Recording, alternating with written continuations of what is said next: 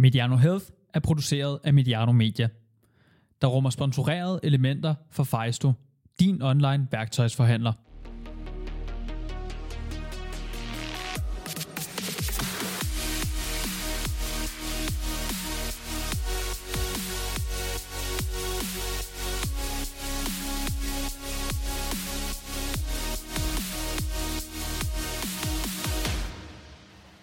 Velkommen til Mediano Health. Jeg er Henrik Duer, jeg er træningsfysiolog, og i denne her podcast her skal vi tale om kulhydrater, hvad er værd at vide om dem, og øh, kulhydrater det er noget, som øh, mange folk har holdninger til, når det kommer til kulhydrater i, i kosten.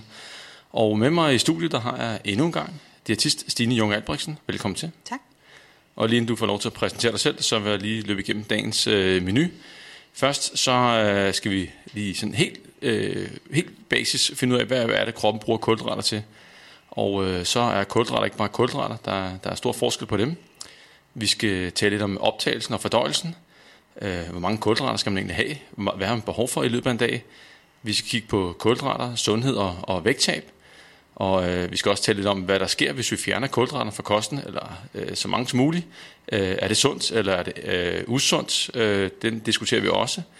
Og så prøver vi at sammenligne nogle øh, meget populære kulhydratkilder, som ris, pasta, kartofler, øh, diverse frugter, og se om der er en stor forskel her, og er der noget, der, der er sundere end andet.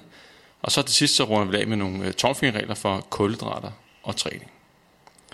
Velkommen til, Stine.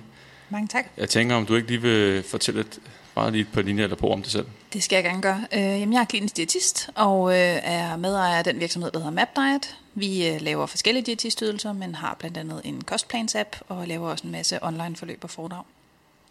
Yes, det var en kort version. Jamen, jeg tænkte, du spad mig om at gøre det kort, så øh, Du har også skrevet en masse bøger. det har jeg også. Og øh, hvad, hvad har du skrevet bøger om?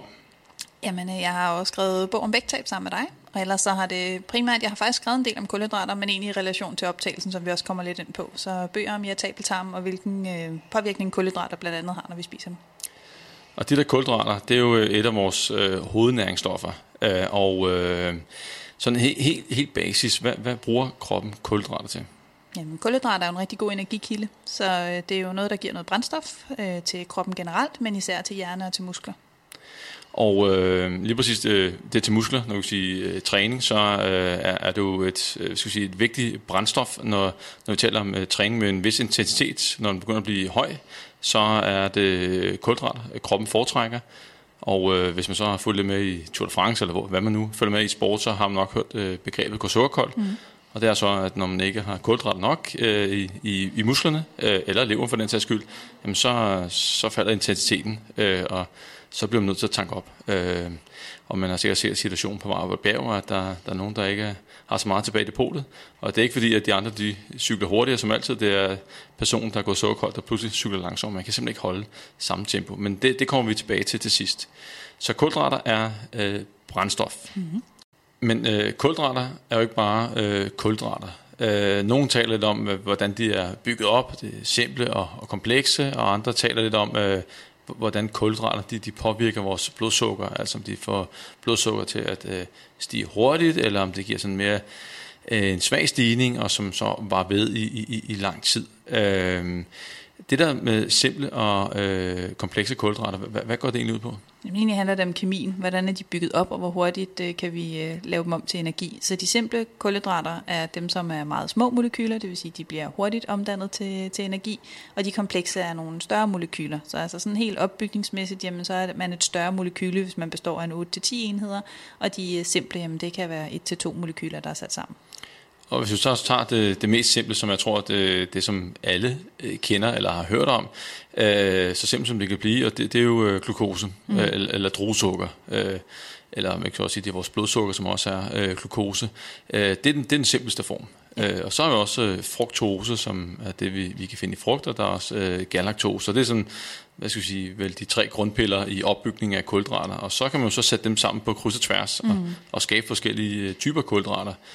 Og den mest kendte, det er jo øh, borsukker, som er en kombination af eller fruktose sammen med glukose. Ja, eller mælkesukkeret, som er laktose, ja. Yes, og, øh, og så kan man så tage den ud af, og så tage de, de komplekse med. Og de komplekse, hvad, hvad, hvad, hvad, hvad er det for nogle størrelser? Jamen dem, øh, det vil være det, vi kender som stivelse. Så selvom mange sådan tænker, at stivelse det er dødfarligt og noget, jeg optager hurtigt, jamen, så hører den faktisk til blandt de komplekse kulhydrater. Og, og hvad er stivelse for noget? Bare lige stivelse, så, så det vil være kartoffel, det vil være ris, det vil være pasta, det vil være brød. Så det er kulhydrater, der kommer derfra? Ja. Men, men, men der er jo også øh, kostfibre. Det bliver jo også øh, betegnet som, som kulhydrater. Det, det, er jo, det er jo relativt nyt, fordi jeg tror, jeg tror, det er de færreste, der tænker, kostfiber, det er kulhydrater. Mm, men det er det. Øh, man kan sige, det er, det er sådan lidt sjov kulhydrat, fordi den har lavere energiindhold per gram, end øh, en almindelig kulhydrater har. Så når et gram kulhydrat giver 4 kalorier, så giver kostfiberne 2. Og forklaringen er, at den går ret langt ned i systemet, før vi overhovedet øh, bruger den til noget, der udvikler noget energi. De er stort set ufordøjelige. Så det er faktisk først nede i tyktarmen, at, øh, at kostfibrene her ved nedbrydningen eller øh, begynder at lave nogle forbindelser, som så giver de her par kalorier. Så, så når vi ser øh, angivelser på et rugbrød, og der er meget fibre i, jamen så, så vil de her fibre altså også bidrage med nogle få kalorier. Og det alligevel en chat, selvom det kun er halvdelen, mm. så... Så er det to kalorier per gram. Det, det er to ja. kalorier per gram, og, øh, og det, altså, det betyder alligevel noget, når specielt før i tiden har man taget det som være gratis. Præcis. Øhm, man ændrede alle nærings, øh, hvad hedder det, deklarationerne dengang man fandt ud af, at det gav energi, så det så ud som om, at rugbrød fik flere kalorier 18 år, men man var nødt til at rette det, fordi man ikke havde regnet det med som energi tidligere. Okay, så det var det simple og de komplekse, men, men der er også jeg vil sige, øh, de kulhydratkilder, vi får, om det er brød, pasta, sodavand, robrød, frugt, øh, jamen det, det påvirker vores blodsukker øh, mm. på, på forskellige vis. Og der har man forsøgt at lave et, et, et indeks for at se på, øh, hvor, hvor hurtigt kan en given fødevare få blodsukker til at stige. Mm. Øh, det, det såkaldte glykemiske indeks. Hvad, hvad hvor, hvor stammer det fra? Hvem har interesse i, i jamen, den del Man har prøvet at lave det til diabetikere, altså dem, der har sukkersyge, for at prøve at lave en eller anden form for måling på, jamen, hvor hurtigt, når jeg spiser en fødevare, bliver, bliver det her sukker optaget, altså hvor, hvor meget vil det påvirke mit blodsukker. Og der har man så prøvet at lave en eller anden form for, for at give det en, en rangliste eller en værdi, og sagt, jamen fint nok, hvis vi ligesom tager, tager det vildeste kulhydrat, vi kan finde, jamen så er det sukker, og så giver vi det en indeksværdi på 100, og så måler vi ting sammenlignet med, hvor hurtigt vi optager sukker. Så et øh, 100 vil sige så være det absolut øh, på, på topscore-værdierne, hvor ellers vil man sige, at det havde højt glykemisk indeks, hvis det var over 70. Det, der bare er misvisende, og grunden til, at, at jeg som diætist aldrig har brugt glykemisk indeks til noget som helst, det er, at, øh, at man kan ikke kigge så isoleret på fødevarer. Altså mad er jo sammensatte fødevarer, så forstået på den måde, at selvom man kan kigge på en kartoffel og tænke, okay, du har et højt glykemisk indeks, eller et, et stykke franskbrød, så er det jo sjældent, at vi bare går ind til bageren og spiser franskbrød, som det er. Vi kommer tit noget på. Og det at putte smør og ost på franskbrød, så ændrer øh, egentlig øh, den samlede glykemiske indeks for, øh, for måltidet sig. Fordi du, når du putter fedtstof øh, på, og når du putter proteiner ind, så optager du det langsommere, det vil sige, at sukkeret frigives på en anden måde til blodbanen. Så i praksis kan man sige, man kan godt bruge til noget, at øh, en banan har et højt glykemisk indeks, for det er ofte et måltid i sig selv. Men at begynde at skælde kartoflen ud for at have et højt glykemisk indeks er lidt dumt, fordi den spiser man jo tit sammen med en bøf, eller sammen med noget sovs, eller sammen med noget grønt, som ændrer optageligheden af de her kulhydrater i det samlede måltid. Jeg tror, en, en vigtig pointe det der med, at, øh, at det er ligesom et, øh, et blandet måltid, man, man, man typisk spiser. Mm. Jeg, jeg kan da huske, at ligesom, altså, der er skrevet bøger om alt inden for sundhed, men jeg ved da også, at der på et tidspunkt er, er skrevet sundhedsbøger, der er baseret på det glykemiske indeks. Ja. Øh, og øh, jeg skal sige, at der, skal sige, der kan være øh, elitesportsfolk, hvor det giver mening, helt hvor, hvor, hvor det giver mening, hvor man skal tanke op så hurtigt som muligt. Ja. Øh, og ikke mindst øh, øh, undervejs i, øh, hvad skal vi sige, under en, lang cykeltur eller en løbetur, hvor man så skal kigge på øh, typen af kulhydrater. Men ellers så, så er det jo ikke noget, man, man rigtig bruger i For der i er det lige meget. Og hvis man kigger på, jamen, hvordan vejleder man diabetespatienter i dag, jamen, så er det ved at tælle gram kulhydrat i en portion. Så kigger man ikke på, jamen, hvad, hvad er optageligheden, for det er jo lidt det, man, man sådan kigger på. Og det er også derfor, man tit har diskuteret med glykemisk indeks, at øh, en, en kogt kartoffel har et øh, højere glykemisk indeks end pomfritter. Så hvis man skulle måle sundhedsværdien ud for det glykemiske indeks, ville man tænke, okay, så er pomfritter sundere. Øh, chokolade har også et meget lavt glykemisk indeks, fordi det har et højt andel af fedt, og det er klart, jo mindre kulhydrat der er per 100 gram, jo, jo lavere bliver det glykemiske indeks. Så man kan, hvis man ikke kunne se, hvad det var for en fødevare, man spiste, men bare fik oplyst det glykemiske indeks, så ville det være svært at vurdere, om måltidet var sundt ud fra en glykemisk indeksværdi. God point. Man kan sige, det med blodsukkeret øh, og øh, og så skal jeg også kalde det insulin, som, som er det hormon, som hjælper sukkeret øh, ind i muskler, lever, øh, fedtceller. Øh, når vi spiser noget mad, øh, så ryger det i blodbanen, og det ryger jo ikke helt automatisk ind i, øh, i muskler og lever. Det skal have noget hjælp, øh, og der har vi så øh, hormonet insulin. Mm. Og øh, det der med øh, blodsukkerudsving, øh, og meget insulin. Øh, man kan sige, at kulhydrater øh, har blandt nogen, øh, og måske lidt, øh, jeg kan jo forstå det, måske mange på viden, et, et, et rigtig, rigtig dårligt ry, sådan generelt set. Og øh, tror du, øh, så vidt jeg kan huske, nu er det lang tid siden, de, altså, vi startede med øh, fedtet, som var, var det slemme, mm. og så kom der en periode efter, hvor at, okay, nu er vi trætte af at gøre fedtet til slemme fyre, og så kom der en periode med... Øh, med, at nu var kulhydraterne måske øh, de slemme fyre. Øh, kan, kan du huske, hvornår du startede, og, og hvordan det startede? Altså, det er jo også lidt, hvad, hvad tidsalder man har været i. Øhm, nu er jeg 40, så, så jeg husker det mest som, øh, som dengang Atkins øh, havde de her kurer, som primært handlede om, at man skulle spise masser af fedt, netop fordi man mente, at øh, kulhydrater var roden til alt ondt. Så, så det er i hvert fald der, hvor jeg sådan husker, at, øh, at der er begyndt kulhydrater at være slemme. For ellers havde man jo nærmest frikendt sukker for at have nogen som helst former for dårligdom, og det kunne man bare spise, mens det var fedtet, der var synderen. Så altså sådan tidsmæssigt, så er vi vel omkring 90'erne. Og hvad, hvad tror du er årsagen til, at, at øh, det blev udnævnt som, som skurken, og stadigvæk øh, har, har det i dag? Jeg ved også, at, hvad skal vi sige, at efter Atkins, der kom jo stenalder, mm. øh, kosten, paleo, og der var kulhydraterne, de var også øh, sat i skammekrogen, øh, og... Øh, og så har der været low carb high fat bølgen, som, som stadigvæk er, er der, mm. øh, hvor et kulhydrat stort set er, er, er bandlyst. Hvad, hvad, hvad er årsagen tror du til, at, øh, at de kun er blevet sådan de slemme fyre nu? Jamen, altid så tror jeg, det er nemt at have en søndebuk. Så, så nogen skal jo ligesom have skylden. Øh, og tit, når man forsimpler ting, så, så tror jeg også, at det er meget vigtigt at have sådan en meget tydelig skurk. Øh, så det, det tror jeg er ret klassisk, at vi skal have, døden skal have en eller anden årsag. Men når vi kigger på det, så er det selvfølgelig også fordi, at, at mange kulhydrater er fødevarer, der ikke giver os ret meget andet end energi. Så der er selvfølgelig en pointe i, at vi ikke skal spise rigtig meget sukker, eller rigtig meget is, eller rigtig meget slik. Så der er selvfølgelig nogle grupper af kulhydrater, som ikke gør det store for os, mens det er synd at, at smide rugbrød og havregryn under bussen, fordi det er kulhydrat. Ja, og så kan man jo sige, at, at øh, det hurtige blodsukkerudsving er jo også blevet beskyldt øh, for meget. Øh, altså, altså, det er jo heller ikke godt at have et øh, stort udsving i, i blodsukker. Også fordi der kan komme et efterfølgende dyk, og man kan måske øh, føle, at det er måske nemmere sværere at styre sulten, hvis man har de der øh, udsving. Øh, og så er der også hele rollen med hormonet insulin, mm. som... Øh, jamen er der meget insulin, jamen så bliver der pumpet meget ind i, øh, ind i fedtcellerne af, af kulhydrater eller blod, blodsukker, og så, så stiger øh, hvad skal vi sige, fedtmassen, og så bliver man overvægtig. Øh, men det kommer vi tilbage til. Mm. Men, men øh, så jeg, jeg tror også, at det, det her, at, at, øh, at mange misforståelserne opstår. Men, men der er jo også, som du selv siger, forskel øh, på, på kulhydraterne. Men lige inden vi, vi, vi kommer dertil og diskuterer øh, forskel, sundhed og, og vægttab, så er det lige noget med, med øh, fordøjelsen. Mm. Øh, fordi at øh, der er både de, de simple, og så er det mere komplekse kulhydrater. Og de simple, som er sådan på den simpleste form, øh, det bliver jo ikke rigtigt, hvad skal vi sige, de ryger bare igennem øh, maskinen, mens at de mere komplekse, jamen de, de, de, de skal igennem fordøjelsen, og hvordan sker det egentlig? Jamen man kan sige, at kulhydratfordøjelsen starter egentlig allerede i munden. Så der har vi noget amylase i vores spyt, som begynder at klippe kulhydratmolekylerne i stykker. Så det, det er faktisk det næringsstof, vi begynder optagelsen af først. Så skal det selvfølgelig ned i mavesækken og, og klippes yderligere i mindre stykker, og derefter så begynder øh, optagelsen så i, i tyndtarmen. Så altså, kulhydrater er noget af det, som vi optager hurtigt, og også forklaringen på, at, at vi kan blive så påvirket af det, som du selv siger, i vores blodsukker. Det, det kommer forholdsvis hurtigt ud i blodbanen. Ja, og så øh, man kan sige, øh, sukkeret, eller blodsukkeret, øh, det er ligesom et lille depot. Der er en x antal gram i blodbanen, men der, hvor vi rigtig gemmer det, det er jo i, i, i leveren. Øh, der lægger måske 100 gram, 150 gram, som sørger for at øh, holde blodsukkeret, øh, holde niveauet der. Og så har vi også øh, nogle depoter ude i, i, i musklerne. Øh, og det kan man sige, det er ligesom endestationen, og selvfølgelig også, når de bliver forbrændt, øh, kulhydraterne. Og, øh, men vi, vi skal jo have nogle, øh, nogle kulhydrater.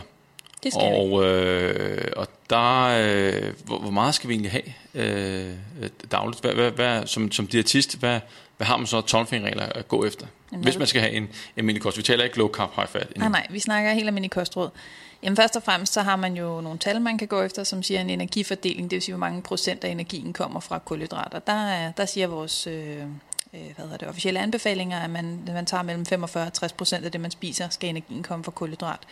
Det kan være rigtig, rigtig svært, hvis ikke man har, øh, har den store øh, viden om ernæring at sige, okay, hvornår har jeg fået 45-60% kulhydrater.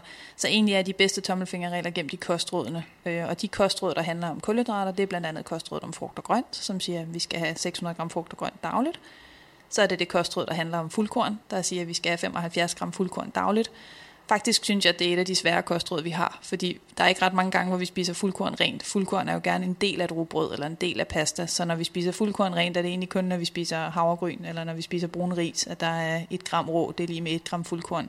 Men sådan for at lave 75 gram om til noget, vi forstår, jamen så er det tre rundt nummer rugbrød, eller så er det øh, omkring øh, 2,5 dl havregryn. Det er sådan de mængder, hvor man, hvor man siger, den mængde fuldkorn eller den mængde kulhydrat skal man have. Og også igen ligger det i, i kostrådet, at vi vælger fuldkorn først, altså prioriterer de grove typer af kulhydrater. Og, og hvad er årsagen til, at vi prioriterer det? Fordi øh, det er jo en af vores, det er måske den største øh, kulhydratkilde øh, i, i vores kost. Øh, hvad er årsagen til, at øh, fuldkorn er, er, er så vigtigt?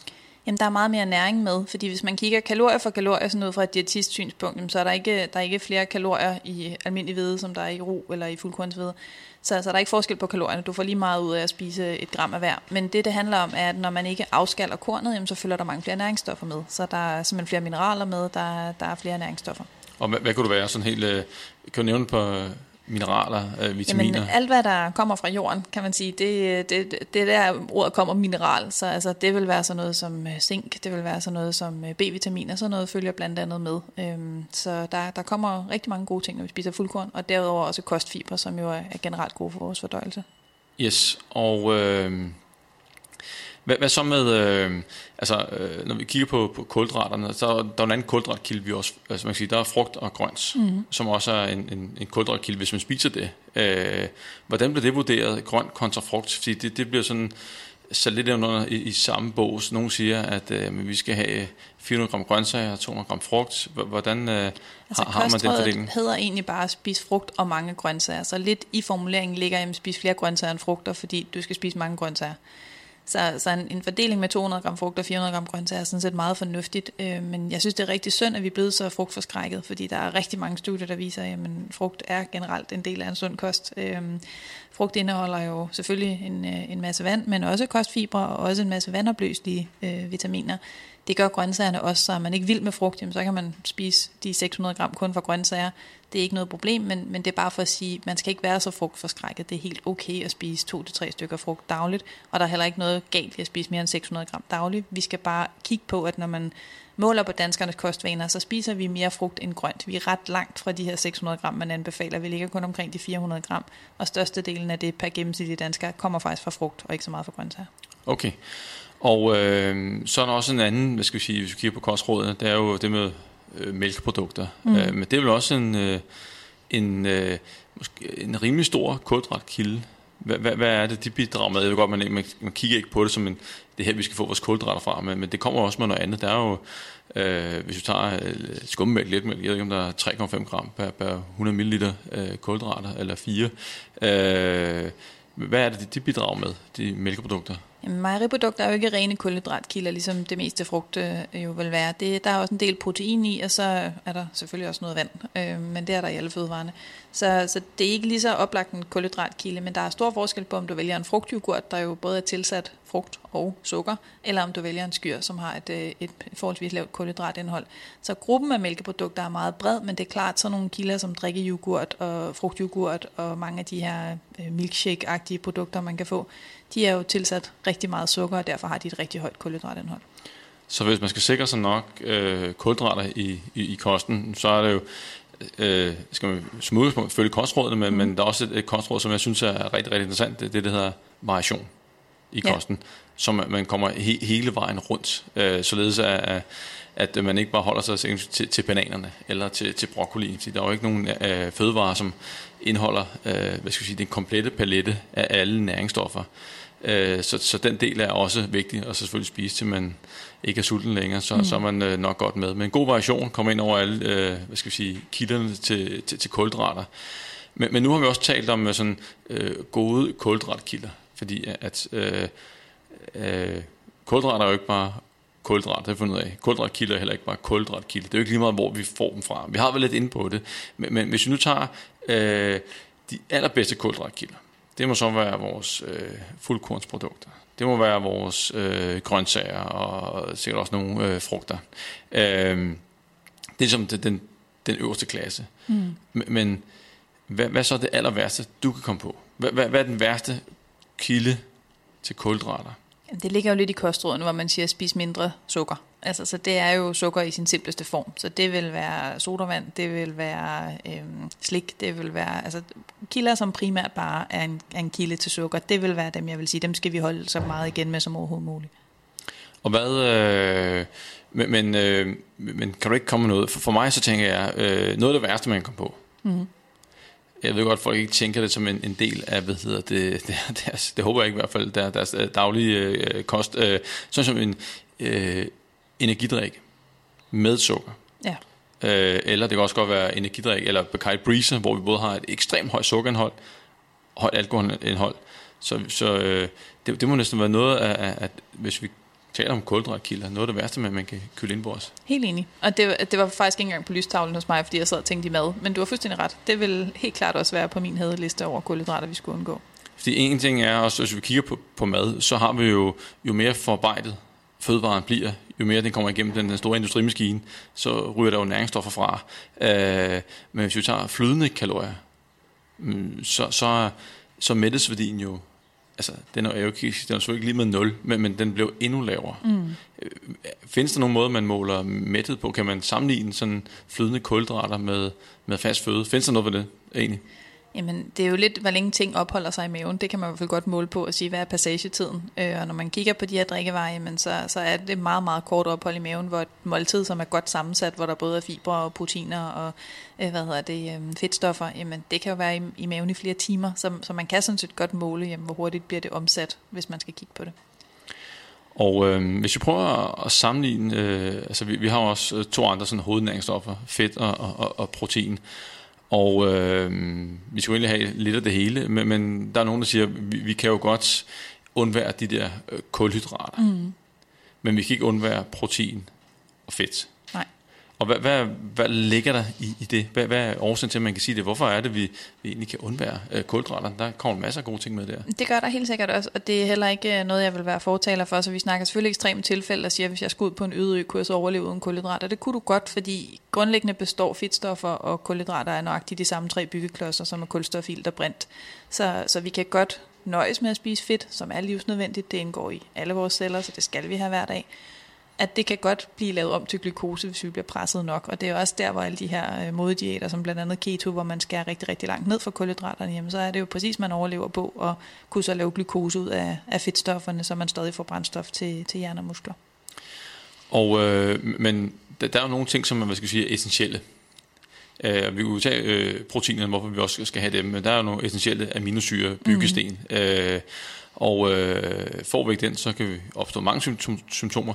Hvor, hvor syg kan man egentlig øh, blive, hvis man ikke får øh, aminosyre nok, altså de, de vigtige af dem? Jamen man kan sige, at det indgår jo alle dine celler og alle dine væv, så, så det sker selvfølgelig ikke natten over, men, men det er der i værste fald, at vi nedbryder vores egen krop, så det kan da gå rigtig galt. Ja, og inden for fedt, når vi siger essentielt, så er det noget, vi skal have udefra. Øh, og det findes jo også for, for, for fedt. Hvad, hvad, hvad er det essentielle ved, ved fedt? Jamen, som vi snakkede om før, det indgår i cellernes opbygning, det er blandt andet i cellemembranerne, så, så det er, vi skal jo igen have de her byggeklodser, som alle vores øh, væv og organer består i, og det, det er jo primært aminosyrene og fedtsyrene, som de er bygget op af, så når vi mangler dem, jamen så, så mangler vi simpelthen byggeklodser til at vedligeholde vores krop, hvor kulhydrat jo primært er en energikilde, der forsyner vores celler med energi.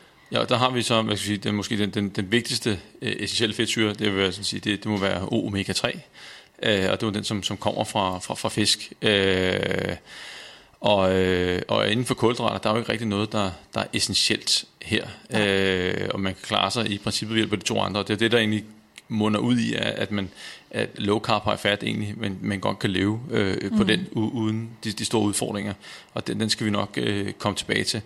Øh, jeg glemte lige at, lige at, at vende det der med, med insulin, øh, fordi der er jo en sammenhæng, øh, da vi beskrev øh, kulhydratens vej gennem kosten, fordøjelsen, og vi bruger kroppen producerer insulin for at øh, få kulhydraterne ind i, i musklerne og i, i fedtcellerne og, og, så videre. Øh, og når vi taler om, om sukkersyge, bare lige for at få den på plads, så er der jo to typer sukkersyge. Der er type 1, og så er der type 2. Type 1, det er, at kroppen ikke producerer insulin, altså bugspytkilden dernede. Og så når man spiser sukker, så kan man jo ikke rigtig komme af med det. Øh, og så stiger det til rigtig, rigtig høje niveauer i, i blodbanen, fordi man propper mere sukker ind i blodbanen, men det, det forsvinder ikke ud af. Altså man kan lidt huske det billede fra diætiststudiet, hvor insulin var formet som en nøgle, og siger, at det er præcis det, der åbner op for cellerne, så, så kulhydraterne kan komme over det rigtige sted. Så det synes jeg er et rigtig godt billede på, hvad er det egentlig insulin gør. Jamen den låser op for cellerne, for at sukkeret kan blive optaget. Ja, og så er der den anden, som øh, er type 2, som er hvad skal vi sige, livsstilsrelateret. Og, øh, og der kan man sige, ude i, i muskler, øh, specielt i musklerne, der kan være en nedsat insulinfølsomhed. Det vil sige, at insulin ikke virker så godt. Så, den der nøgle der, den kan ikke rigtig låse så mange døre op, og så kan vi ikke komme af med så meget blodsukker, og så stiger koncentrationerne også. Præcis. Men, men øh, type 2 diabetes, øh, den er jo livsstilsafhængig. Mm. Og fysisk aktivitet, træning, vægttab kan gøre rigtig meget. Øh, jeg kan ikke huske, øh, jeg synes, jeg hørte, det, det er et stykke tid siden, jeg hørte en, en forelæsning om, at, at øh, jeg synes, det var 90 procent, hvor man kunne blive medicinfri, eller hvis det var højere, når vi taler om øh, øh type 2-diabetikere, som taber sig, motionerer og spiser sundere. Og hvad, hvad kan man gøre bedre der med, ved kosten? Hvis du får en ind i, i praksis, som har type 2-diabetes, øh, hvad, hvad er så dit, dit første råd til den person? Grundlæggende gælder kostrådene for os alle sammen, også hvis man har diabetes. Øhm, så det er primært at kigge på de simple sukkerarter og se, jamen, man, man skal selvfølgelig skære ned, hvis man har et dagligt indtag af sodavand og slik osv. Det, det er en af de åbenlyse. Men ellers så handler det jo også om, at man stadig skal have kulhydrater, fordi du, du skal jo stadig have øh, en vis mængde energi, og det, det er ikke fordi kulhydrater er forbudt, men det er typisk noget med at fordele det ud over måltiderne. Så, så et af de gode råd, hvis man har diabetes, jamen det er typisk at have en måltidsstruktur på en 4-6 daglige måltider, sådan så man, man får fordelt kulhydraterne over dagen, og så netop ud fra konceptet, jamen lidt af det hele giver plads til det hele, så man dør ikke af at spise et stykke kage, men man skal måske spise det mindre, eller man skal spise et mindre stykke, når man spiser det. Så altså, der er ikke noget, når jeg får en diabetiker, der har type 2 diabetes ind, som gør, at jeg siger noget fuldstændig afvigende fra, hvad jeg ellers vil sige ved, ved almindelig vægttab. Hvad, hvad med, øh, jeg så, der var lavet nogle, nogle, nogle studier på det, jeg har ikke fulgt helt op på det, men øh, sådan som øh, lav, lav kulhydratrige diæter, mm. altså low carb high fat diæter, i forbindelse med øh, type 2 diabetes. Øh, ved du noget om, hvordan landet ligger der? Det er jo sådan et relativt nyt område. Fejsto.dk er din online værktøjsforhandler. Vi har altid ekstra skarpe priser på et udvalg af vores bedste varer. Jeg hedder Bettina, og jeg er klar til at hjælpe med alle de spørgsmål, du har omkring vores sortiment. Altså hvis man kigger på, på anbefalingerne, hvad gør Diabetesforeningen, så følger man stadig almindelige kostråd, men der er ingen tvivl om, at det også har effekt med de her lavkaloriedieter. Det man altid, eller lavkulhydratdieter, det man altid skal være opmærksom på, det er, at, at nogle type 2 diabetikere er måske reguleret med insulin. Og der skal man altså virkelig være påpasselig, hvis man får tilført insulin kunstigt, at man så pludselig skærer ned for kulhydraterne i kosten, fordi så har vi pludselig den her situation, hvor, hvor man har alt for meget insulin, og det kan altså også være farligt. Så man skal altid tænke på, at øh, der er meget at redde, før man når til stadiet, hvor man skal have insulin kunstigt. Men når først man skal have det, så skal man altså lige gøre nogle overvejelser, før man tager kulhydraterne ud af kosten. Der skal man snakke med lægen og sige, at jeg tænker mig at skære ned for kulhydraterne, og så skal insulindoserne justeres derefter. Så det må være et, øh, hvad skal vi sige, uanset hvad, så har man type 2 diabetes, så skal man lige tale med sin øh, diætist og måske også sin læge om øh, lige, hvad man gør ved, ved kosten, inden man måske hopper på en low carb high fat diæt. Øh, og du nævnte lige det der med, at øh, hvis der er for meget insulin i forhold til, hvad der er kulhydrater i blodbanen, jamen, øh, så, kan, så sker der vel et øh, fuldstændig dræn af, af kulhydrater. Og hvad, hvad, ved du så, hvad der sker? Bliver det så, hvad hedder det, der er en eller anden tilstand, hvis de får for meget insulin? Ja, det, det ser man altså sjældent hos type 2 ja. diabetikere, fordi de jo trods alt stadig mm, øh, har ja, en eller anden form for reguleringssystem. Ja. Men det, det er type 1, der kan det jo være livsfarligt. Altså der kan de jo simpelthen nå en forgiftningstilstand, hvis ikke, øh, hvis ikke man får kontrolleret de her niveauer. Okay, så hvis vi kigger på, vi har jo været inde på det, øh, kulhydrater og sundhed, mm. lige for at øh, summere den op, øh, så øh, er der jo intet usundt i kulhydrater som udgangspunkt. Det er jo et spørgsmål om, øh, hvad skal vi sige, øh, en ting er mængder, hvor tit man spiser, øh, specielt de, de dårlige kilder, men, men øh, som udgangspunkt, hvis, hvis basen er øh, de gode kilder, altså det kunne være grøntsager, frugter, øh, fuldkornsprodukter, øh, til dels også øh, mejeriprodukter, og så får man øh, lidt slik og lidt sodavand ved, ved, ved, ved siden af, øh, så er der ingen problem. Så vil man sund nok, så længe man ikke tager på, og man ellers efterlever de andre sundhedsråd om at øh, være fysisk aktiv og, og, og, og så videre. Øh, hvad, hvad har du at tilføje her? Jamen umiddelbart ikke så meget, fordi at, at jeg synes også, det er vigtigt, at vi ikke demoniserer kulhydrater og siger, jamen, at, det, at de er farlige, eller det kan gøre nogen skade. Men at man selvfølgelig også siger, at man kan godt leve uden. Så det, det, man kan sagtens leve et liv uden kulhydrater og leve sundt og godt. Det er rigtig vigtigt at sige. Men det er ikke det samme som, at kulhydrater er dårlige for dig. Præcis. Og, øh, og det er også vigtigt at vide, at igen tilbage til det med, at jamen, det skader jo ikke at, at, at spise slik. Det skader ikke at, at drikke sodavand. Øh, og igen, så må man forholde sig til, til, til mængderne. Øh, hvor tit sker det? Hvor meget får man? Mm. Og selvfølgelig også holde op imod ens hvad skal vi sige, aktivitetsniveau. Hvis nu man allerede er, øh, lad os sige, at man er rigtig, rigtig fysisk aktiv. Øh, lad os sige, til en Tour de France nu tager vi også ekstremer. Men, ja, så er vi ude i de virkelig okay, ekstreme. Ja. Vi, vi går lidt ned, men en som, som har et fysisk krævende job, og som måske også træner, øh, så er det jo relativt, øh, har det måske over 3.000 kalorier i energiforbrug. Øh, så er der jo, øh, så kan de jo nemt blive dækket ind med, altså med de almindelige næringsstoffer, og, og efterlade et, et pænt stort råderum til at slikke sodavand og så videre. Hvad, hvad tænker du om den tilgang? Når vi har uddannet kostvejledere, så har vi sådan prøvet at lave sådan en, hvor, hvor meget kan du, øh, hvor meget kan du presse kostrådene ned på? Altså hvor få kalorier skal der egentlig til, for at du kan opfylde kostrådene? Og der er de fleste, der har sagt, at for 1000 kalorier kan du godt opfylde alle kostrådene.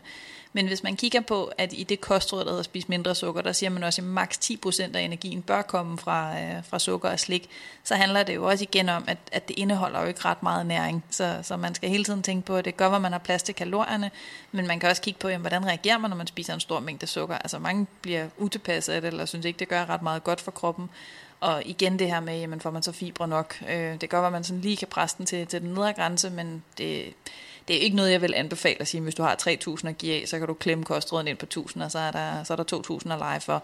Men hvis man tager sådan en almindelig person, som du havde der, der skulle, øh, skulle have 3.000 kalorier, så vil det også svare til, at 300 kalorier dagligt kunne komme fra sukker. Og det er alligevel vel omkring 100 gram slik, eller, eller lidt over en liter sodavand, så man kan sige, det, det kan man godt gøre, hvis det er det, man har lyst til at stadig leve, hvad man vil betegne som at, at følge kostråden og et sundt liv, eller også så kan man spare det op og sige, men så, så får man en ordentlig fest i weekenden.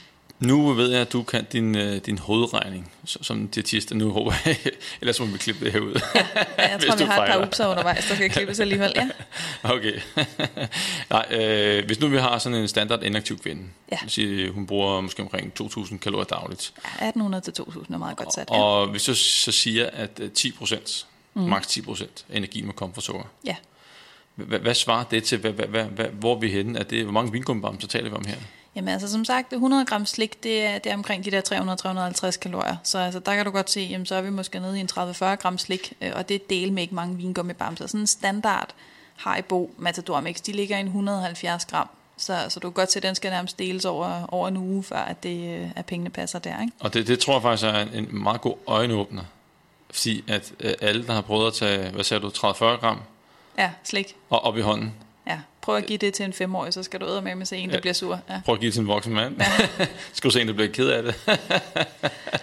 men, men, men det var igen et, et godt billede af, øh, altså hvor, hvor meget sukker der er i, selvfølgelig der er i slik, øh, og hvor lidt der skal, egentlig skal til, før vi, vi, vi rammer den der grænse med, nu, nu har vi egentlig fået nok i forhold til, til anbefalingerne.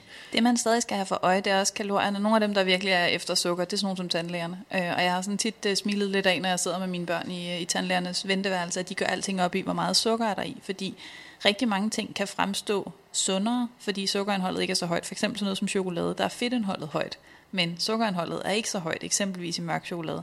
Så rigtig mange tænker, jamen det er jo sådan en sundere snack, men, men det hører altså med til billedet, at fedtstofferne jo giver dobbelt så mange kalorier som kulhydrater. Så hvis man spiste 100 gram chokolade, jamen så havde man fået en 500-600 kalorier. Hvis man spiste 100 gram slik, havde man fået en 300-350 kalorier. Så selvom der er mindre sukker i chokolade, end der er i Haribo Mix, så er der stadig en, en kaloriemæssig forskel, som ikke opvejer, så spiser man bare den dobbelte mængde chokolade. Yes. Så øh, når du, øh, dig som lytter med, øh, skal sidde foran fjernsyn i aften og, og tykkehygge til en Netflix-serie, så, øh, så øh, bliver du nok skuffet, når du tager vægten frem og kigger på 30-40 gram vingumbamser. Det, det, det rækker ikke langt. Øh, men igen, øh, så måske samle det øh, op til, til weekenden, eller tage det løbende, gør som du egentlig har, har lyst til. Men, men øh, det er egentlig bare for at fortælle, at der skal ikke særlig meget til, før man, man egentlig rammer øh, den der grænse. Lad os, øh, når vi så også taler sundhed, så kan vi ikke undgå også at tale vægttab.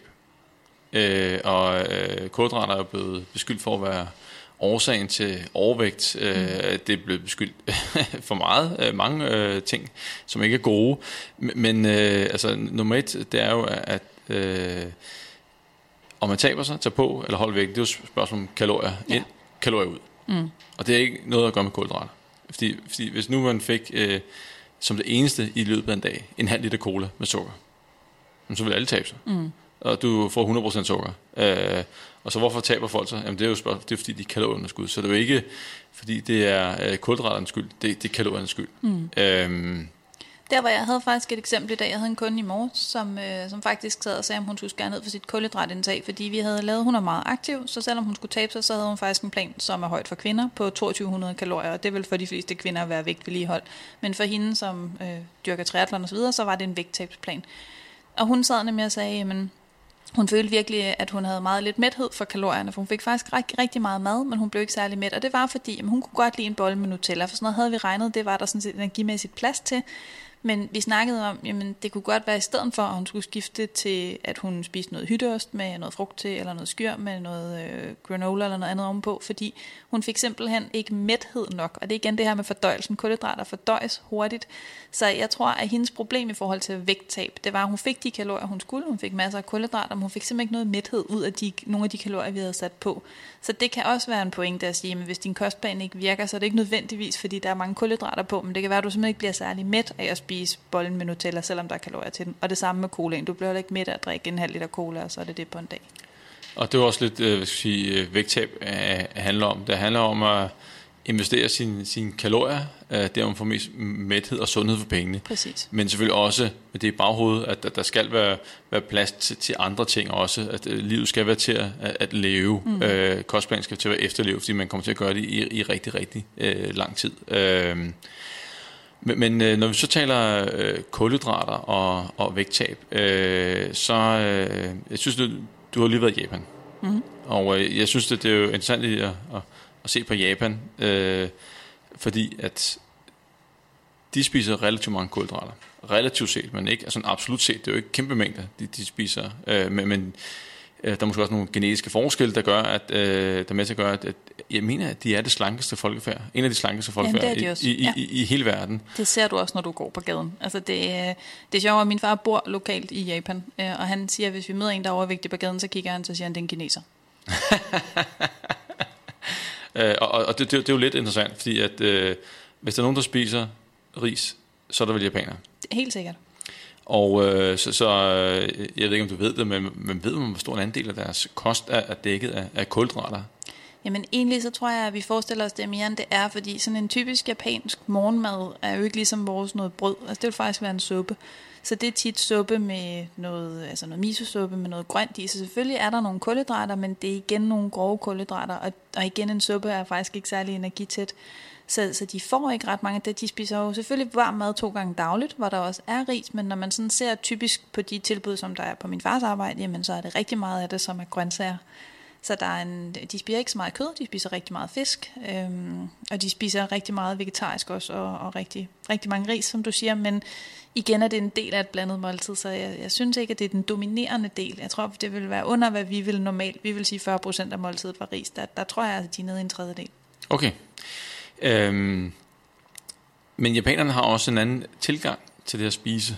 Altså, Helt sikkert. Jeg synes, det er super interessant, fordi det slankeste folkefærd i hele verden. Altså, øh, altså, hvordan, altså, der er noget kultur, øh, som, som spiller ind, øh, og sikkert også, øh, øh, jeg skal bare kalde det kultur. Hvad, hvad, hvad er din oplevelse af det? Du, du havde fortalt mig inden, inden vi podcasten her, at øh, selv fast food, altså McDonald's er sgu ikke McDonald's eller hvad det var, men der, der er et japansk touch. Hvordan er deres øh, tilgang til, til, til mad generelt? Grundlæggende er portionsstørrelserne mindre. Øh, det rigtig sjove var, at min sidste tur her havde jeg min datter med, som lige er kommet hjem fra USA. Øhm, og hun spotter en Wendy's, som er hendes absolut yndlingsfast food i USA, hiver mig ind og siger, mor, nu skal du bare se. Og så taber hun jo øjnene i mund, og hun siger, det er slet ikke på menukortet, det hun er vant til at købe i USA. Og for det første er det altså, mindre bager. En stor er ikke en stor, som den er i USA. Og så er det bare nogle andre ting. Altså, de har også øh, hjemmelavet isteer, eller øhm, ikke, ikke lige så mange milkshakes, ikke lige så mange øh, burger, men de har måske også nogle retter, hvor der er grønt, eller du kan få en suppe til. Så det, det er bare en helt anden tilgang. Og så er der sådan noget kultur, som du siger, at, at der for det første er det her 80% mæt, at man, det er simpelthen øh, det er ikke velset at spise meget eller overspise, hellere spise lige under kanten, end at spise for meget. Og så har man slet ikke den her kultur for at spise ude. Altså selvom jeg har været i Tokyo her i juni, hvor det er dejligt vejr, så ser du ikke fortogscaféer, fordi det er ikke sådan noget, der er velanset, at man sidder og spiser, ligesom for eksempel kineserne, der smasker eller bøvser, eller sådan, altså hvor det er sådan meget åbenlyst, så, så spiser de mere diskret, og du har slet ikke den der snacking-kultur med at gå med en halv liter sodavand, eller gå med noget, du spiser. Du holder dine hovedmåltider, og der er sat god tid af til det, du respekterer maden, så du har en times frokostpause, og du gør også meget ud af aftensmåltidet. Så 7-Eleven vil ikke gå i, i Japan? Jo, det er det, der er sjovt. Der er 7-Eleven alle steder, men de har rigtig mad. Når du går ind i en 7-Eleven, jamen, så køber du en tang wrap med, med ris og grønt, eller du køber sushi. Altså, de har fremragende sushi i køledisken i en 7-Eleven, og så masser af vand. Jeg tror lige, du skulle til at sige, at det er der, kineserne kommer. Nej. Eller alle mulige andre øh, øh, turister. Og, øh, og det er et meget god pointe med, at, at øh, mindre portioner Allerede her har vi et, et, et låg på øh, kalorierne, som, som det handler om, øh, og så også øh, mindre snacking, øh, og det vil måske være sammen om, om, om måltid. Øh, og så også et, øh, at, at, altså øh, fastfooden, altså øh, den er måske ikke lige så udtalt, udbredt, øh, som hvad skal vi sige, andre steder. Øh, så det, det er interessant nok. Øh, Japan, det kan være, det skulle blive et, øh, være en separat øh, podcast. Øh, der er nok at snakke om i hvert fald. Ja, men øh, hvis vi lige tager det med øh, vægttab og, og kulhydrater, så er det et kaloriespil, mm-hmm. hvis man skal tabe sig. Øh, ind versus ud. Og øh, der kan sagtens, man kan tabe sig fint med, med kulhydrater i kosten, og egentlig også med alle typer kulhydrater. Som sagt, det er et spørgsmål om kalorier, men det handler selvfølgelig også om at, at investere kalorierne. Hvor får man mest mulig sundhed og mæthed? Øh, og så stadig gøre plads til nogle af de ting, som man, hvor der måske hvor sukkerindholdet er, er, er større. Det kan sagtens lade sig gøre. Men man kan jo også, øh, øh hvis vi tager den videre, øh, og, og så kigge på øh, sundhed og, og, og vægttab uden kulhydrater. Det kan også godt lade sig gøre, fordi mm. det er jo igen et spørgsmål om, om kalorier. Men hvis vi nu går ned i, øh, i sådan som low carb og high fat, ketogen kost, altså når vi øh, skruer kulhydraterne så langt ned, at, øh, at kroppen begynder at producere ketonstoffer, som mm. hjernen så kan bruge, øh, musklerne kan bruge det som brændstof i, i stedet for. Hvor, hvor langt skal man egentlig ned? Altså man fjerner ikke alle kulhydrater, men, men hvor langt skal man ned? For de fleste hjem, så snakker man, at grænsen går omkring de 50 gram, så det er rigtig, rigtig meget, vi skal fra. Igen det her med, jamen, hvad er gennemsnittet? Jamen, en, en dansk kost efter kostrådene kan snilt øh, indeholde 1-300 gram kulhydrat, så det, er, det er altså virkelig en, en stor reduktion. Ja, hvor meget er der i 100 gram slik? Altså, der er jo øh, 70 næsten, gram. Ja, præcis. Det er næsten ren sukker, men ja, det passer meget godt. Så, så, øh, så hvis man kan lide slik øh, øh og kage for den sags skyld, så er det jo rigtig svært, og så er næsten et, et muligt Jamen projekt. altså, øh, hvis du har en halv liter cola, så er der cirka 10 gram kulhydrat per deciliter, ikke? så der er 50 gram bare en halv liter cola. Så under Nej, 50... en, øh, sådan, jo, sådan en halv liter, som du har stående foran dig, det vil være der omkring, ja.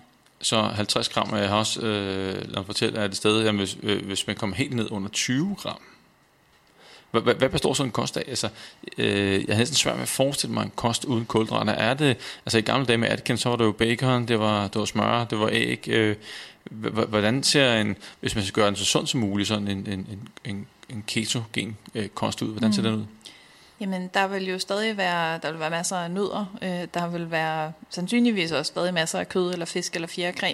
Du kan også sagtens have grøntsager ind, men det er klart nogle af dem, som, som har et rigtig, rigtig højt fiberindhold, så kulhydratindholdet er lavt, så det, eller vandindholdet er højt, så det kunne sagtens være nogle salattyper for et højt vandindhold. Det kunne sagtens være øh, kåltyper eller øh, bladcelleri og sådan noget, som virkelig har det et højt fiberindhold. Det kunne det godt være, men det, det vil blive æg og kød og fisk og fjerkræ og olier og nødder og måske en lille smule avocado og noget, øh, noget grønt med højt fiberindhold.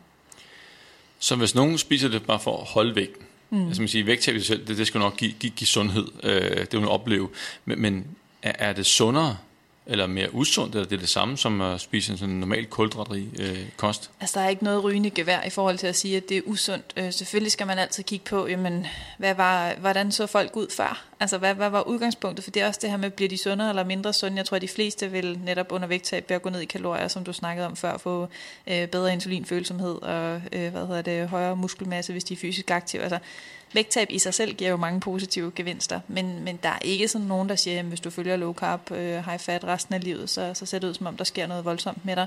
Der er lavet nogle svenske studier, fordi man jo har haft low carb-bølgen virkelig, virkelig massivt i Sverige, som, øh, som har bevist i hvert fald, der har været en lille stigning øh, gennemsnitlig i kolesteroltallet. Øhm, men igen kan man sige, at det, er ikke, det er ikke det samme som den sikre død, men det er selvfølgelig noget, man skal holde øje med, fordi et forhøjet kolesteroltal kan være hos nogen en indikator for en højere risiko for hjertekarsygdom.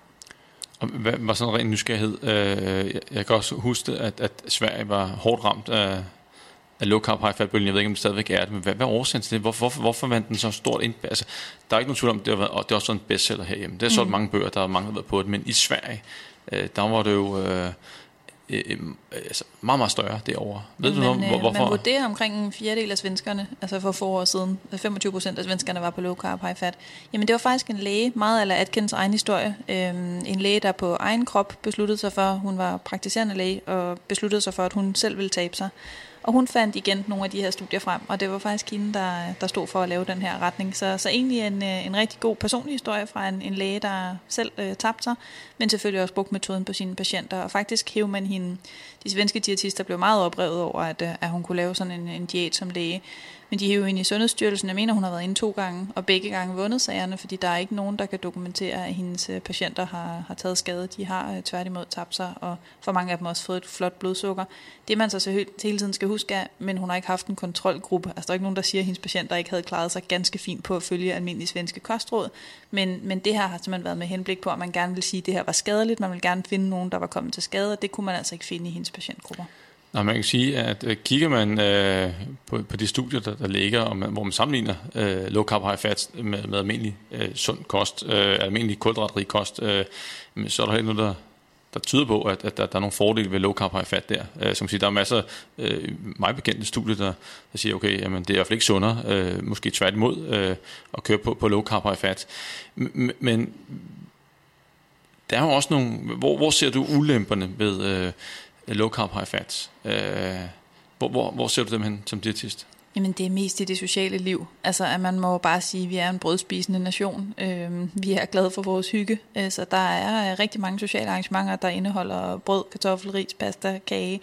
Så det, det er nok et, et svært, øh, det er en svær livsstil i forhold til at mødes med venner øh, og spise mad, eller det er svært at gå i byen. Der er selvfølgelig steder, hvor man kan gå ind og spise det her, men, men at gå på en almindelig restaurant vil der jo typisk være brød til maden, eller ris, eller pasta, eller kartofler, eller noget andet. Så det er egentlig mest, synes jeg, socialt stigmatiserende.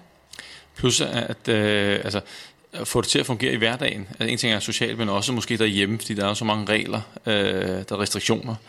Øh, det gør jo også, at på en lang bane, at det bliver svært at holde. Alle skal være med i hvert fald. Det er noget, man skal gøre øh, alle i husstanden og sige, det er sådan, at vi lever. For ellers så bliver det for nemt bare at spise af børnens rugbrød, eller at spise frugt, hvis de andre i husstanden spiser det. Ja, og man kan sige, øh, sammenlignet med en, en kost, hvor der som udgangspunkt ikke er nogen restriktioner, men man må alt, og så over på en kost, hvor der er restriktioner, øh, så kan man godt fortsætte på en lang bane, også hvis man skal, skal sige, tabe sig og holde vægttab efterfølgende. Det er jo mm. vigtigt, at man, man får ændret livsstilen, ellers bliver det rigtig svært at holde det vægttab, og, og hvis man så ikke kommer til at holde den low carb high fat efterfølgende, jamen hvad, hvad, hvad gør man så? Øh, og min holdning er, at det ikke, øh, man kan sagtens øh, få en sund livsstil med low carb high fat, men, men, men hvor, hvorfor, øh, hvor, hvorfor øh, gøre det, hvis det er, at du ikke har nogen fordel ved at, at skære nogle ting fra? Og plus nogle af måltiderne bliver mærkelige. Altså en af de her familier, man fulgte i TV2-serien, der lige har været med, med sunde familier, de tog den her meget omtalte bulletproof coffee, hvor de hælder smør i kaffe, og det var deres morgenmad, hvor man kan sige, det er der vist aldrig nogen, der har syntes var en specielt sund morgenmad, uanset om, om den er mættende, og den giver mange kalorier. Medmindre man øh, smager til low carb high fat. Ja. Øh, men, øh, men der er vel også nogen, som øh, har, gavn af, ikke at vi skal berøre det så dybt, men, der er jo nogle sygdomme, altså, hvor at, øh, de der ketonstoffer øh, mm-hmm. kan gavne. Øh, øh, mere det, det epilepsi, ja, øh, øh, hvor, hvor der har en effekt. Og og måske også, øh, det må tiden vise, øh, type 2 diabetikere, at der er en fordel ved at måske øh, for, vis, for nogle af dem at, at komme helt ned øh, i, i no carb high fat diet. Øh. Jeg tror, man skal have stor respekt for, at vi er selvfølgelig ens på mange punkter, men at der også vil være individuel fordel. Og selvfølgelig er der nogle diæter, der er bedre for nogle grupper end andre. Så det skal vi også have respekt for at sige. Vi kan ikke bare sige, at kulhydrater er til alle. Der vil klart være nogen, der også har en fordel af at skære ned på dem. Ja, og så må sige, at øh, min største anke er jo nok, at den, den er for svær at holde. Og hvis du alligevel ikke kan holde det på en lang bane, jamen, så hvor, hvorfor så gøre det? Mm. Du kommer til at ændre kurs alligevel på et senere tidspunkt. Og hvis man så dyrker sport, øh, så, som vi øh, kommer til lidt senere, jamen, så, så hvis man kan huske, hvad jeg sagde i starten, øh, så hvis man skal arbejde med høj intensitet, jamen, så og du ikke har nogen kulhydrater, fordi du er på en low carb high fat, øh, du har ikke nogen kulhydrater i muskulaturen, jamen så, så, bliver det, så bliver det op ad bakke, mm. øh, hvis du skal lave højintensivt arbejde i, over længere tid. Men, men øh, lige inden vi hopper til det med træning, så havde jeg også et, et punkt, hvor vi lige skulle sammenligne, jeg skulle måske skubbe det lidt højere op i programmet, men lige sammenligne ris og pasta og, mm. og, og, og, og kartofler. Øh, fordi det er jo en, en væsentlig kilde til kulhydrater, energi mm. og en, en stor bestanddel i danskernes kost. Øh, noget, som vi godt kan lide at smide kødsovs over, eller sovs over, eller hvad det måtte være. Hvad, hvad øh, når I... Øh, som diætister rådgiver, hvad, hvad, har, har I så nogle præferencer? Øh, kartofler, fuldkorn, øh, fuldkornsris eller pasta? Hvor, det, der hvor, hvor er rigtig henne? svært, det er jo, når vi læser kostrådene ordret, så er der faktisk ikke et kostråd om kartofler. Fordi hvis man kigger på det, så siger man vel fuldkorn først. Og kartoflen er jo ikke en grøntsag, men det er heller ikke fuldkorn. Så kartoflen bliver jo sådan lidt skubbet ud. Men hvis man læser grundlaget bag, altså hvad er det for nogle studier, der ligger til grund, så siger Fødevarestyrelsen faktisk, spis kartofler 3-4 gange om ugen, altså foretræk kartofler frem for ris og pasta. Når man og hvad, hvad er årsagen til det? Ja. Jamen, når man siger det, så er det først og fremmest øh, en kalorieforskel. En, en kartoffel har en 80-85 kalorier per 100 gram, og kogt ris og pasta har en 130-140, uanset om du vælger den blegeste form, eller om du vælger fuldkornsvarianten. Så du kan næsten, groft sagt, spise dobbelt så mange kartofler for de samme kalorier, som du kan spise ris. Ikke? Så, så det, det, så, det giver så, god så, mening i volumen. Så i der er, noget, der er noget mæthed, en, en, en fordel, på du trods af... Du får en større mængde for de samme kalorier, ja. Der er noget, der dyttet ja, vi, ude foran. vi sidder med åbne vinduer, for de har 30 grader. Ja. men, men, men, øh, men hvad er så årsagen til, at det mætter så meget, når der ikke er nogen, øh, noget fuldkorn, nogen kostfiber? Jamen man kan sige, at det er jo simpelthen volumen, at du får en større mængde. Så, så hvis man kigger mæthed, jamen, så er det klart, at kostfiber gør en del, og der er kostfiberindholdet højere i brune ris, end der er i kartofler, så man kan jo også øh, argumentere og sige, at der skal en mindre mængde ris til, at jeg føler mig lige så mæt, som hvis jeg har spist kartofler. Så, så man kan spise begge dele, og begge dele er sundt, men, men det er bare for at sige, at kartoflen har altså nogle fordele i, at man kan spise mere af den, det er også stadig en kilde til C-vitamin, så altså, man kan godt få opfyldt sit, uh, sit C-vitaminbehov dagligt af omkring 300 gram kartofler, så det, det er en, en god traditionel spise, vi sagtens kan tillade os at holde fast i. Ja, og, så, og hvad, hvad er det så, uh, fuldkornsrig til pasta kan, som uh, kartoflerne kan? Du sagde noget med fuldkorn, som sagt. Ja. Så, der, og så har de et højere mineralindhold. Altså som jeg sagde, der, der er blandt andet C-vitamin i kartoflen, men der er flere mineraler, blandt andet i de brune ris, som sidder i, i skalddelene. Så det, det vil være det, der er fordelen der. Så man kan sige, at øh, hvis man lige skal samle op, øh, så har hver hvad skal vi sige, kartofler og ris og pasta har jo hver deres fordele. Ja. Og tilbage til, hvad skal vi sige, kostrådet, øh, variation. Præcis. Blandt, som, som du har lyst få lidt af det hele, så, så er du godt dækket ind, og i stadigvæk tilbage til det med mængderne, hvor man spiser af det. Ja. Men hvis du er på fuldkornsris pasta, øh, og ikke det er fuldstændig poleret, øh, og på kartofler, så, så, er du, så er du meget godt med, mæthedsmæssigt. Og så skal man også tænke, at det helt almindelige tallerkenmodeller gælder stadig. Så er det en slanke tallerken, så siger man stadig 25 procent af tallerkenen må gerne være reserveret til stivelse. Altså der må gerne ligge kartoffel, ris, pasta eller brød. Det er dejligt, du foretrækker fuldkorn, så får du mest næring. Men igen, du kan også have fået din fuldkorn ved at starte dagen med havregryn og spise rugbrød til frokost, og så skal der nok også være til, at du kan vælge almindelig øh, jasminris til din indiske ret, hvis det er det. Så endelig vej med dem. Det handler om øh, variation også, som en, en vigtig nøgle. Men, men hvad meget betyder det egentlig, at, at når nu øh, man tager risen undskyld, og, og forarbejder dem, og det samme med pastaen, at vi har en fuldstændig hvid pasta kontra øh, fuldkornspastaen. Hvor, hvor, hvor, hvor meget ryger der egentlig? Jamen man kan sige, der er, der er et højere fiberindhold i risen, end der er i pastaen. For pasta det er en dej, hvor der også er noget æg, og der også er noget vand, så, så det er, altså, det, det, der er ikke lige så meget fuldkorn i pasta, som der er i ris, så der er ikke, der er ikke lige så stor forskel på, hvor sundt det er at spise hvid pasta og fuldkornspasta. Men på risene er der faktisk en forskel, fordi det, der er en væsentlig højere fiberandel i fuldkorn end de almindelige hvide ris. Så de vil simpelthen have et forskelligt øh, glykemisk indeks. Så øh, gå altid efter øh, fuldkornsversionen. Vælg fuldkorn først. Yes, det er jo et, øh, et fint råd. Men hvad, hvad så med, med, med frugt? Man har, har hørt øh, bananer. Åh oh, nej. Øh, så man kan sige, er det også den, den mest kalorieholdige frugt, eller rører avocadoen under der? Eller? Avocadoen er, jo sådan set også en frugt, og der, den slår bananerne med mange mængder længder. men, men, uh... Og det sjovt, det, det, vil vi gerne have. Det er jo ja. sådan, uh, altså hvis man skal ud på en café, så hvis, altså, man, er, man skal jo altid have en avocado-mad. Det, det, er jo, det er jo dødhot i øjeblikket, ja. ikke? Uh, men, men øh, bananen har fået det der dårlige ry med, med fordi at det, den er relativt kulhydratrig, og mm. det er også lidt energirig, men der kommer også andre stof, øh, hvad skal jeg sige, næringsstoffer med. Men, men, men hvor i, i som øh, diætist, hvad, hvad, hvad altså, jeg synes, det er synd øh, for bananen, men det er klart, at, at når, man, når man sammenligner dem, så kan man godt sige, at bananen har en, en 80 kalorier per 100 gram, og, øh, og hvad er det, æbler har 50, og vi kan sagtens komme ned i meloner og druer og sådan noget, som måske har noget omkring de 40.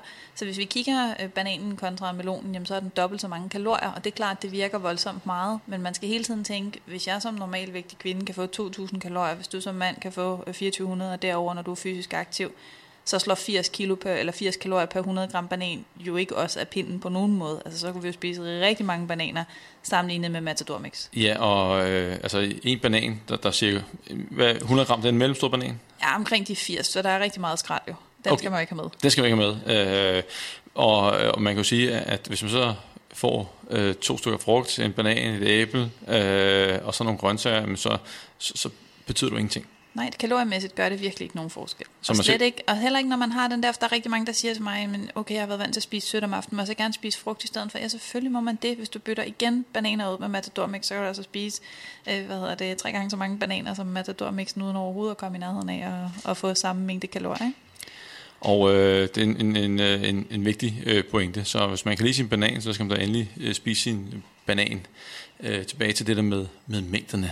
Øh, hvis, hvis vi så går, skal gå til det sidste punkt, så er det jo øh, kulhydrater og, og, og træning. Og øh, det er jo i princippet en podcast i sig selv. Men, men øh, jeg tror, øh, altså inden for, for træning, ligesom inden for øh, kostrådet, der er noget med procentangivelser, hvor meget energi skal komme fra kulhydrater, hvor mange gram per kilo kropsvægt, man kan gå op og regne i det, og skal man, øh, lige snart man har hoppet af spændingscyklen, skal man kaste en banan ned indbords og drikke energidriks, øh, for jeg vil næsten påstå, for 90 procent? Nej. Hvis man har en helt almindelig kulhydratrig kost, og man træner tre gange om ugen, øh, så er der ingen grund til at gå med ved det. Øh, så, så der er, er man tanket øh, godt op. Der, hvor man skal være øh, opmærksom, det er, hvis øh, man har øh, tre træningspas om ugen, øh, eller også mere end tre træningspas om ugen, så meget over en time, og man giver den gas, øh, så skal man tænke lidt på, på timing og få noget bagefter. Øh, eller hvis man nu kører en dobbelt spændingstime om aftenen, når man skal have en ny øh, dagen efter, jamen, så, så er der også et lille tidsrum for at få fyldt kulhydratdepoterne op, men, men det er måske de færreste. Jeg vil påstå, at øh, det er ikke særlig mange almindelige mennesker, der laver mere end tre gange times konditionstræning om ugen. Øh, og så er der selvfølgelig specielle regler op til et maraton, og når man øh, øh for, øh, har store træningsmængder der. Men, men igen, øh, for de fleste øh, hyggemotionister, der tager en spændingstime par gange om ugen, går til styrketræning, jamen øh, have en øh, fuldstændig øh, normal øh, kost, øh, så er, er, er man godt dækket ind.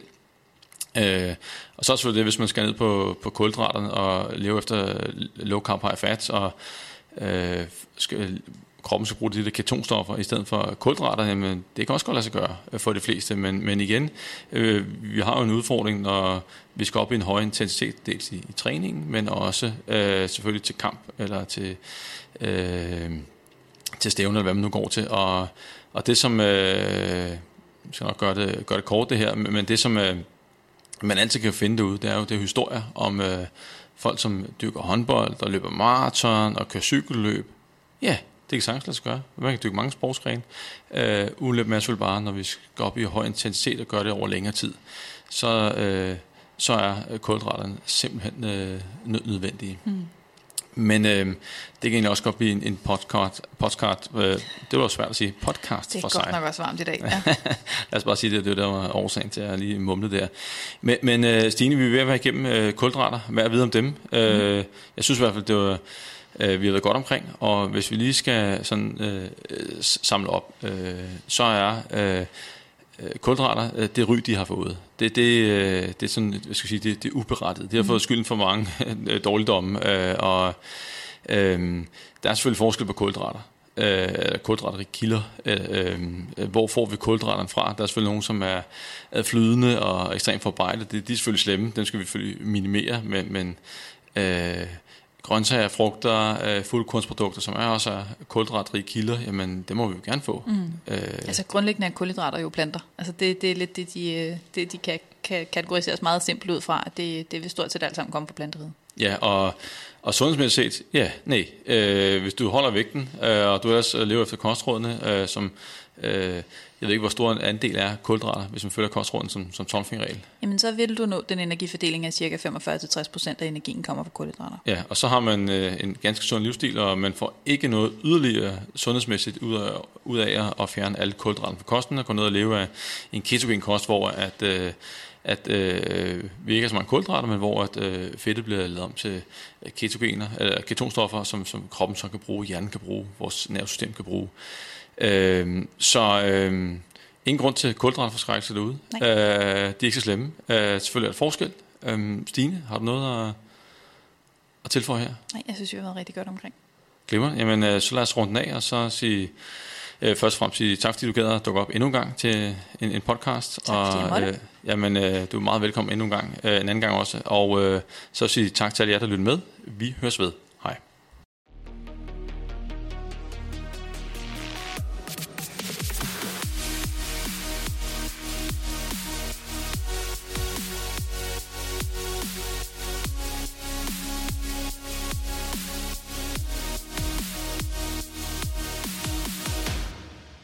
Mediano Health er produceret af Mediano Media, der rummer sponsorerede elementer for Fejsto, din online værktøjsforhandler.